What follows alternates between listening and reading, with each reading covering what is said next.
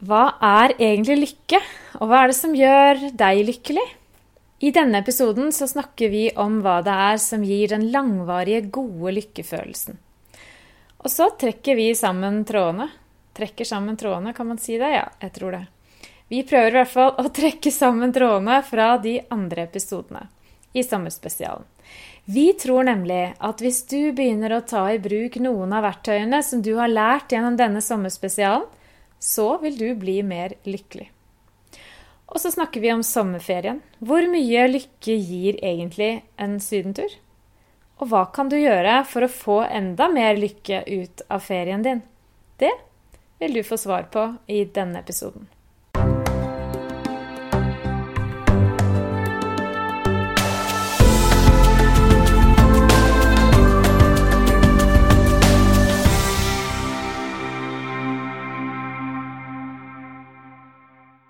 Kommet til siste episode, da, Ruben.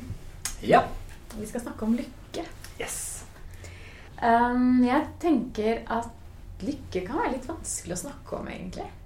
Jeg vet ikke om det er vanskelig å snakke om, men det kan være vanskelig å få tak på. Ja. Det er så, det er så mangefasettert, og det er så individuelt, og det er så situasjonsavhengig, og samtidig så er det så viktig. Og så er det på en måte det som er definisjonen på å lykkes, er å være lykkelig. Ja, for det er det jeg tenker at som gjør det vanskelig liksom, Det er ikke et vanskelig tema å snakke om, sånn sett, men det er så mange tanker om hva som er, hva er lykke. Mm. Eh, hva gir lykke? Hva gjør deg lykkelig? Og det er jo noe vi alle i bunn og grunn kiger etter.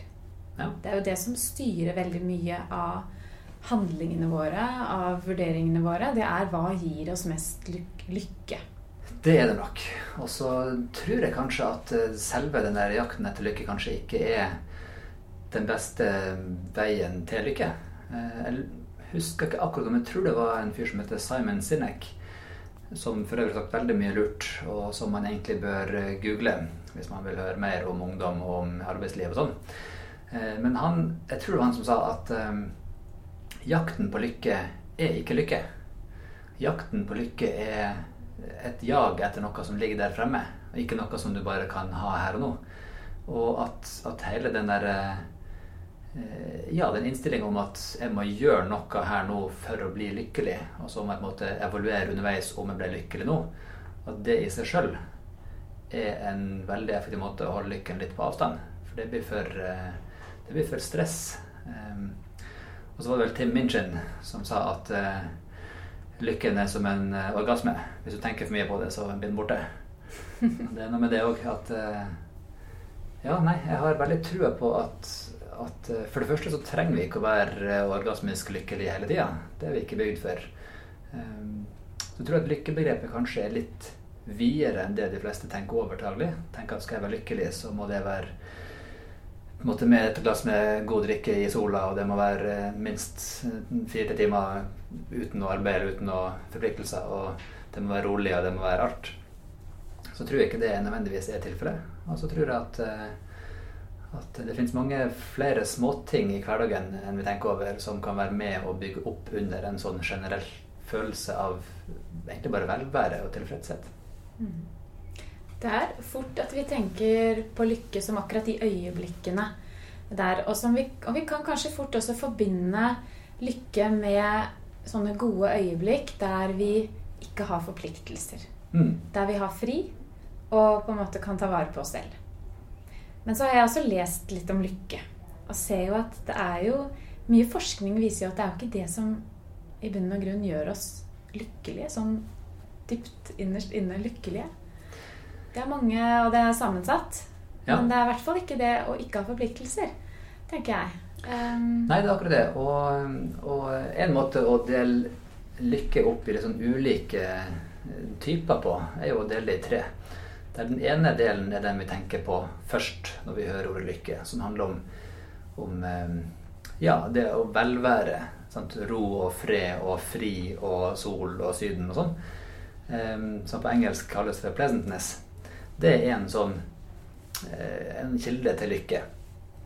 Så er det to andre. Den ene kalles på engelsk for engagement. Det å være eh, opptatt med å drive med noe, det å være med på noe med andre. Det å, å få til noe, utrette noe. som da er sin egen kilde til lykke, og som kan være strevsom, det kan være mye arbeid, det kan være mange armer og bein, men så merker du etterpå at det der var skikkelig, det vi gjorde nå, det var bra. Og det er jo alt sånn kor og lagsport og alt sånt. Det er en sånn engagement-type lykkefølelse. Mm. Og det, den tenker jeg da henger litt sammen med både sosiale relasjoner og det å oppleve mening. At man opplever at man gjør noe meningsfylt. Mm. Det er jeg faktisk den tredje. Mening er ja. nummer tre på mm. iallfall i den teorien der. At ja. det å, å, gjøre ting som gir mening, er også sin helt egen eh, form for lykke. Det skaper en helt egen eh, egentlig en egen form for lykke som ikke er det samme som de andre to. Eh, men det henger jo veldig sammen med det at du utfører noe selvfølgelig som du føler er meningsfullt. Mm. Både for, for, din del og for andres del. Og det man har sett på, da, man har sett på Eh, man har målt eh, hvor mye lykke man får av disse ulike aktivitetene. Og så har man målt hvor lenge den godfølelsen varer. Hvis du har eh, fire timer fri en, en, en ettermiddag og skal gjøre en av de her tre tingene, hva er det som smitter mest over på neste dag og neste uke?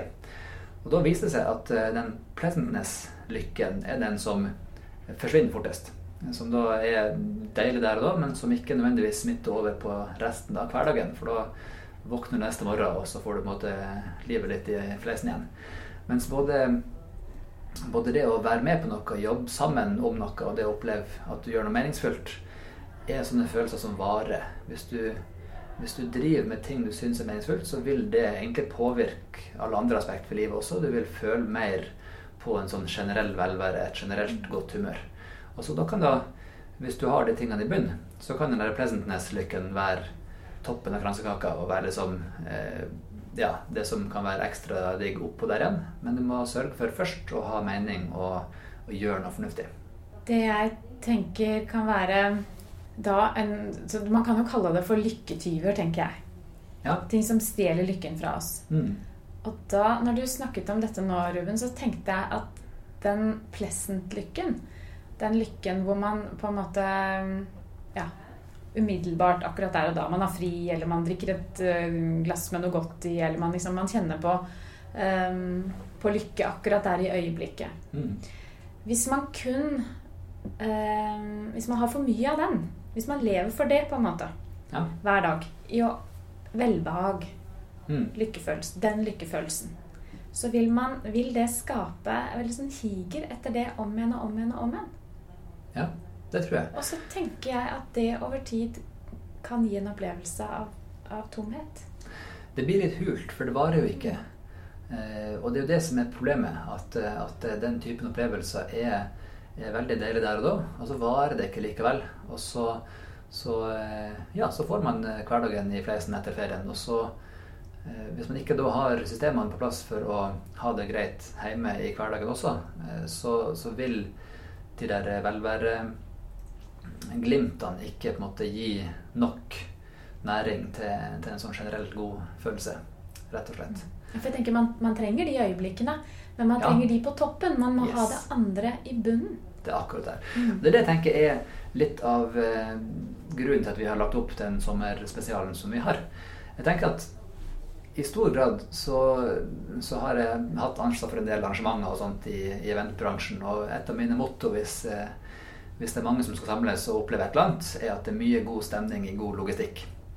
Jeg tror eh, fast og bestemt på at hvis systemene er på plass, hvis man har plass til tingene sine, man har ikke for mange ting, man vet hvor de skal, hvis man har tid og krefter til å holde orden litt i hjemmet og sånn, så vil det gi både en mestringsfølelse og en sånn følelse av ro eh, som i seg sjøl egentlig er eh, godt på vei grunnlaget for å føle seg vel også. Eh, jeg tror at hvis man gjør de tingene som vi har snakka om til nå, eh, så er mye gjort. Hvis man sørger for å fylle livet med de, de, gode relasjonene, hvis man sørger for å få nok søvn, hvis man sørger for å eh, i størst mulig grad bli fri fra ting som styrer, om det er avhengighet eller om det er andre ting som, som tar tid eller fokus som ikke var noe bra. At du sørger for at du bruker tida di sånn som du vil. Eh, hvis du sørger for å gå inn i relasjoner med hele det sånn som du er, og med sårbarhet og med feil og mangler, men også med all den omsorgen du har, så tenker jeg at da er livet egentlig ganske godt allerede. Og så tror jeg at denne jakten etter lykke ikke nødvendigvis trengs. Jeg tror at Hvis vi har det generelt greit, vi opplever mestring og mening i hverdagen, og vi har tatt vekk litt av de bare tidstyvene og, og litt sånn stressfaktorene, så vil hverdagen bli fylt av mer av det vi vil kalle for lykke, egentlig uten at du må tenke spesielt på det. Det, var, det er jo det som, som, du sa, var noe av målet med sommerspesialen vår, da, Ruben. Rett og slett. At vi har tro på at det å ha en del av disse tingene som vi har snakket om i de foregående syv episodene, på plass, mm. det, det, gjør at folk kan bli mer lykkelig, rett og slett. Fordi det vi det vi, eller du på mange måter har gitt lytterne, det er noen mestringsstrategier, tenker jeg. Mm. Ja. ja. Det å ha de riktige ritualene på plass. Det å starte hver morgen med å eh, gjenta for deg sjøl foran speilet hvem du er, alt det gode du har, og hva du ønsker å få ut av eh, livet og dagen, og hvor mye du kan bety for andre. Det er en kjempebra måte å starte på. Og da blir mange andre ting lettere. Det å ha systemene og ritualene på plass både for Eh, fellesskap i heimen, for, eh, for matro, for fellesskap rundt matbordet, for rydding og ordnings og, og, kjøring og sånt. Og også dette på kvelden som vi snakker om i forbindelse med søvn. Det å, å falle til ro, det med å eh, få den gode samtalen på slutten av dagen, det med å, å, ha de tingene som gjør at alt det andre funker. Jeg tror det langt på vei er, er noe av nøkkelen her. Og at hvis man kan fokusere på de kall det detaljene, altså de, de der ulike byggesteinene, så er summen av det en følelse av velvære. Summen av det er at du får tid og krefter til å tenke på andre ting, til å være til stede i større grad, til å puste litt mer og få de her eh, kirsebærene på toppen eh, i tillegg til alt det andre. Og at du er ja, i større grad bevisst på at det livet som du nå lever, er et liv som du har eh, skapt. Det er et liv som du har ønska, det er sånn du vil ha det. Og hvis du ikke vil ha det sånn, ja, så kan du endre en og en komponent. Og så kan du ta, eh, ta eierskap til det, og så kan du bruke tida da på, på relasjonene og på de tingene der i tillegg. For noe av det som også gir en lykkefølelse, det handler om å ha eh, noen eh, livsmål, om å ha noen ambisjoner og noen drømmer.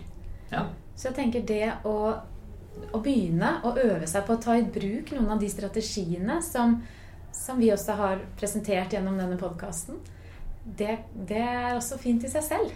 Mm.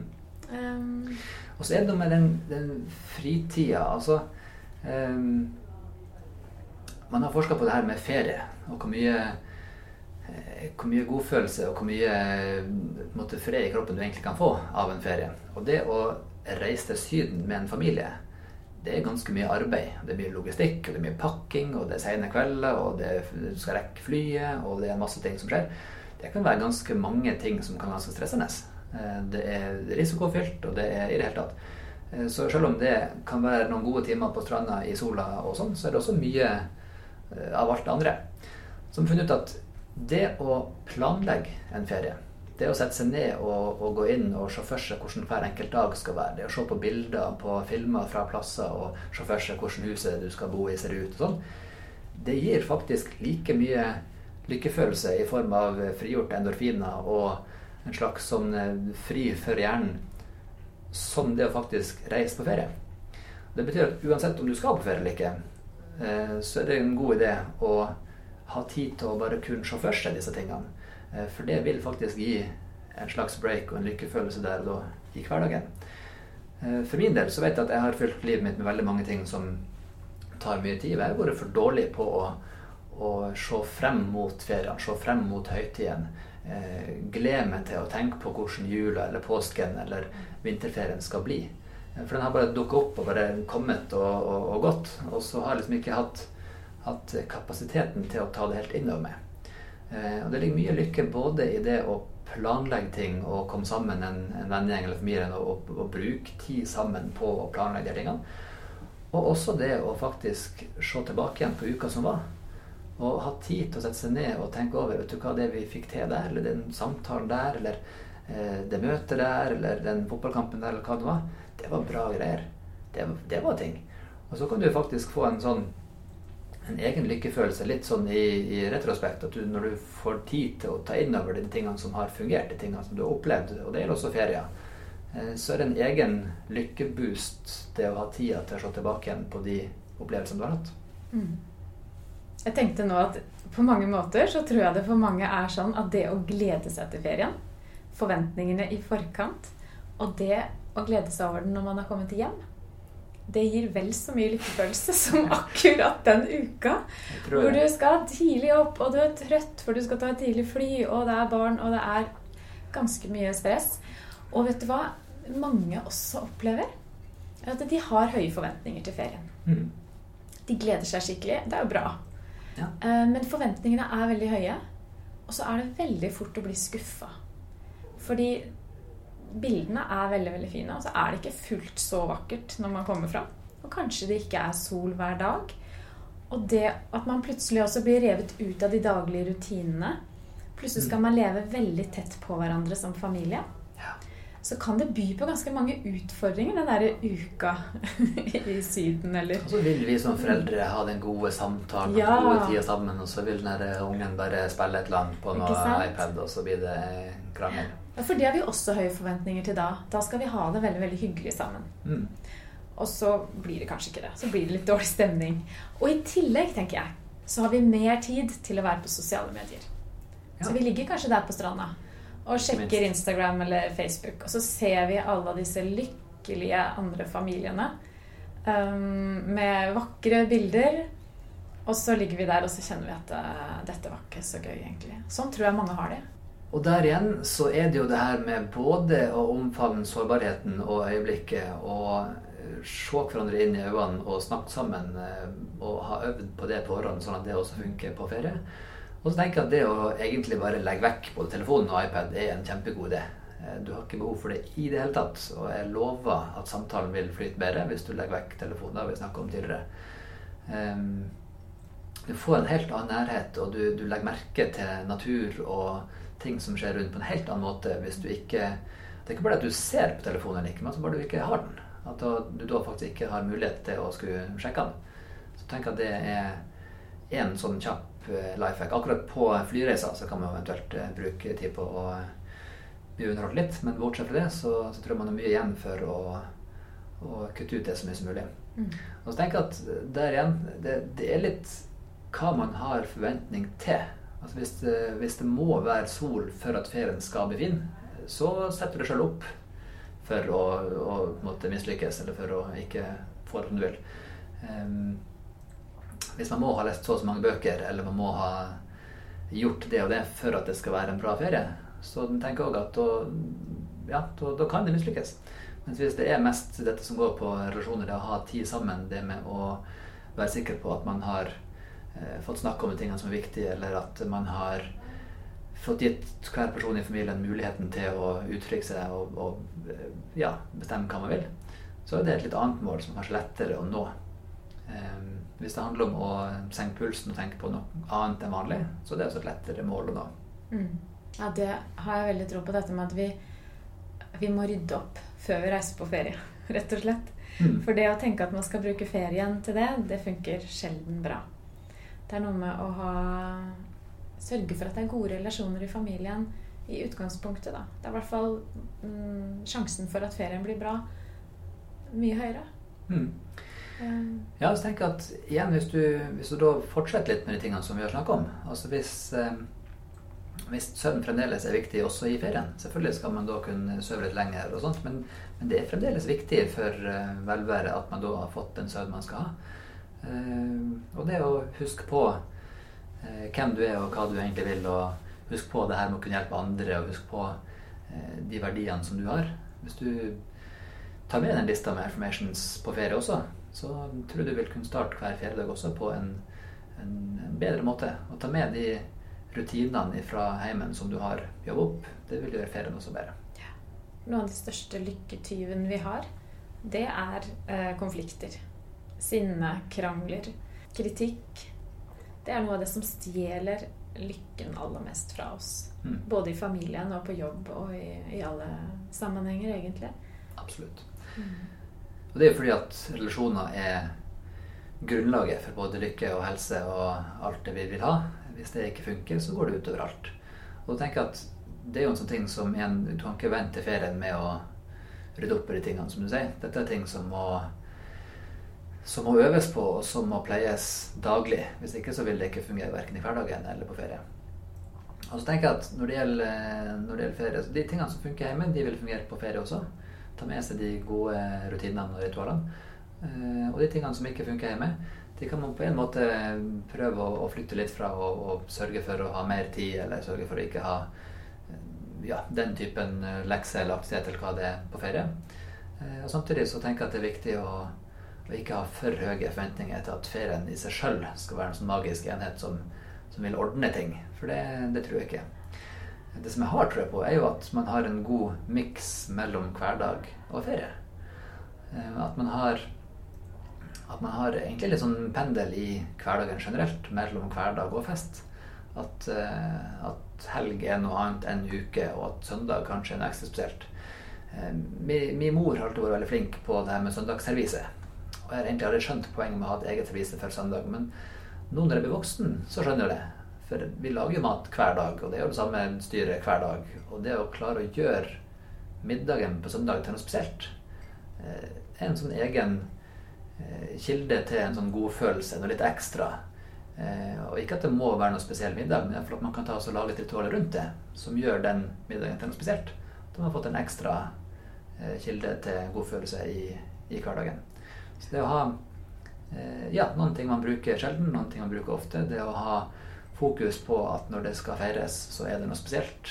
Frokost på senga, om det er morsdag eller farsdag, bursdag, om det er jul eller påske eller hva som helst Eh, se frem til disse tingene, planlegg dem. Eh, tenk over gavene. Tenk over eh, hva slags tid som skal brukes på hvilken måte. Og tenk over de, de små overraskelsene man kan ta og i hverandre. For det handler jo om rett og slett å planlegge livet. og ta grep, mm. rett og slett. Og ikke bare la skuta fare. Um, mm. Men å ta kontroll i livet. Ta kontroll, og samtidig slipp litt kontrollen på det her med lykke. La stol på at hvis du fyller livet med de tingene som du er enig med deg sjøl om er bra for deg og for din familie, så vil lykken komme av seg sjøl. Mm. Og så vil det være tøffe tak av og til, og så vil det være klinsj av og til. Og så er det jo greit. Så betyr ikke det at livet er ødelagt, så betyr ikke det at uh, lykken eller fremtiden er ødelagt, men det betyr at da kan vi ta oss og fikse de tingene. Og særlig hvis oppvask og andre ting funker fra før, så kan man ta tak i det litt uh, sånn etter hvert. Og så tenker jeg at uh, ja, igjen, hvis man da har eh, nok kontroll på en del ting, og samtidig har nok tid til å både se frem til ting du gleder deg til, og til å plukke ut de tingene som var best i løpet av uka som gikk, så vil du oppleve at du har veldig mange ting å glede over, eh, selv om det kanskje går litt fort forbi av og til. Ja, altså det at man, man prøver å være litt bevisst på hvordan uka har vært. At man tenker igjennom, mm. tenker du? At man, ja. at man, legger merke til øyeblikkene og ja, dveler litt ved dem. Jeg tror det er viktig. Og jeg tror det er viktig å også være bevisst på hvilke ting du vil huske på. Jeg vet at vi er forskjellige når det gjelder hvilke, hvilke biter av en opplevelse som vi automatisk lagrer i hukommelsen.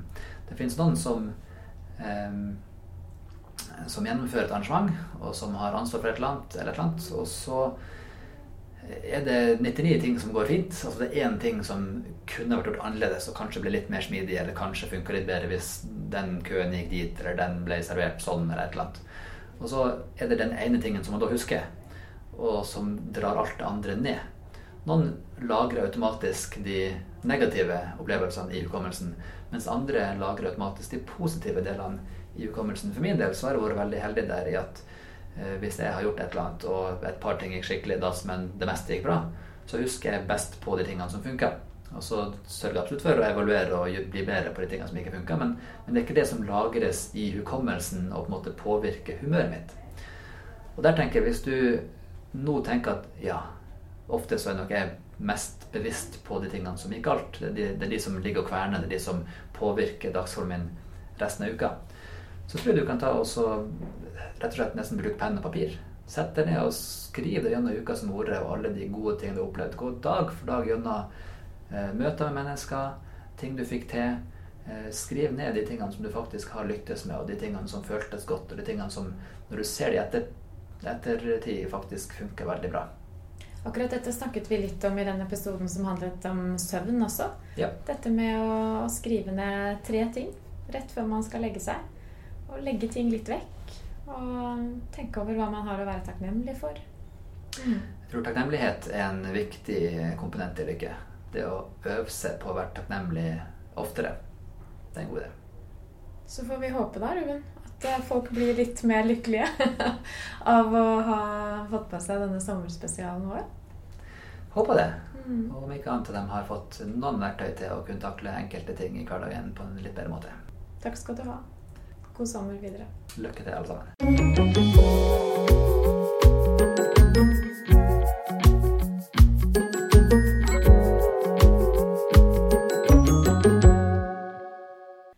Det var siste episode i sommerspesialen.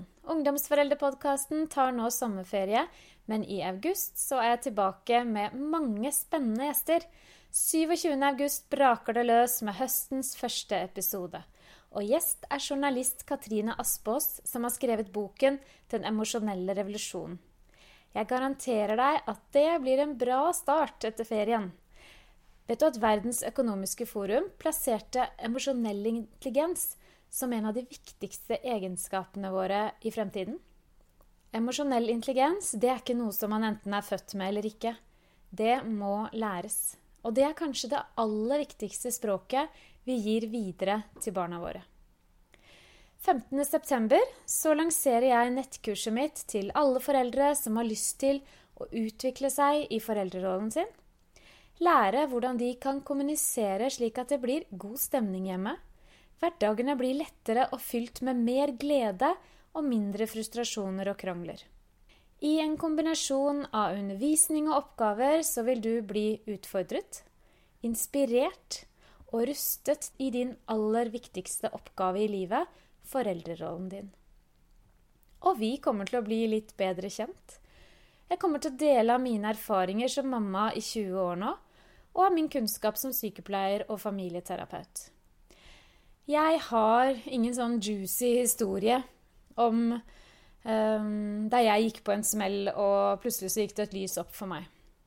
Jeg har gått mine skritt, utviklet meg og lært utrolig mye av barna mine. Og jeg har rett og slett lyst til å gå noen skritt sammen med deg, slik at din vei blir lettere å gå. Og slik at du kan kjenne på glede over det å være mamma eller pappa, fremfor bekymring og frustrasjon. På Facebook så ligger et lite minikurs som heter God kommunikasjon med tenåringer. Gå gjerne inn og last ned det. Det gir deg en bitte liten smakebit på nettkurset mitt. Det kommer nemlig et ekstra godt tilbud til de som har tatt minikurset mitt. Og da snakker vi early bird-pris og et annet tilbud som du ikke vil gå glipp av. Da gjenstår det bare å ønske deg en skikkelig, skikkelig god sommer.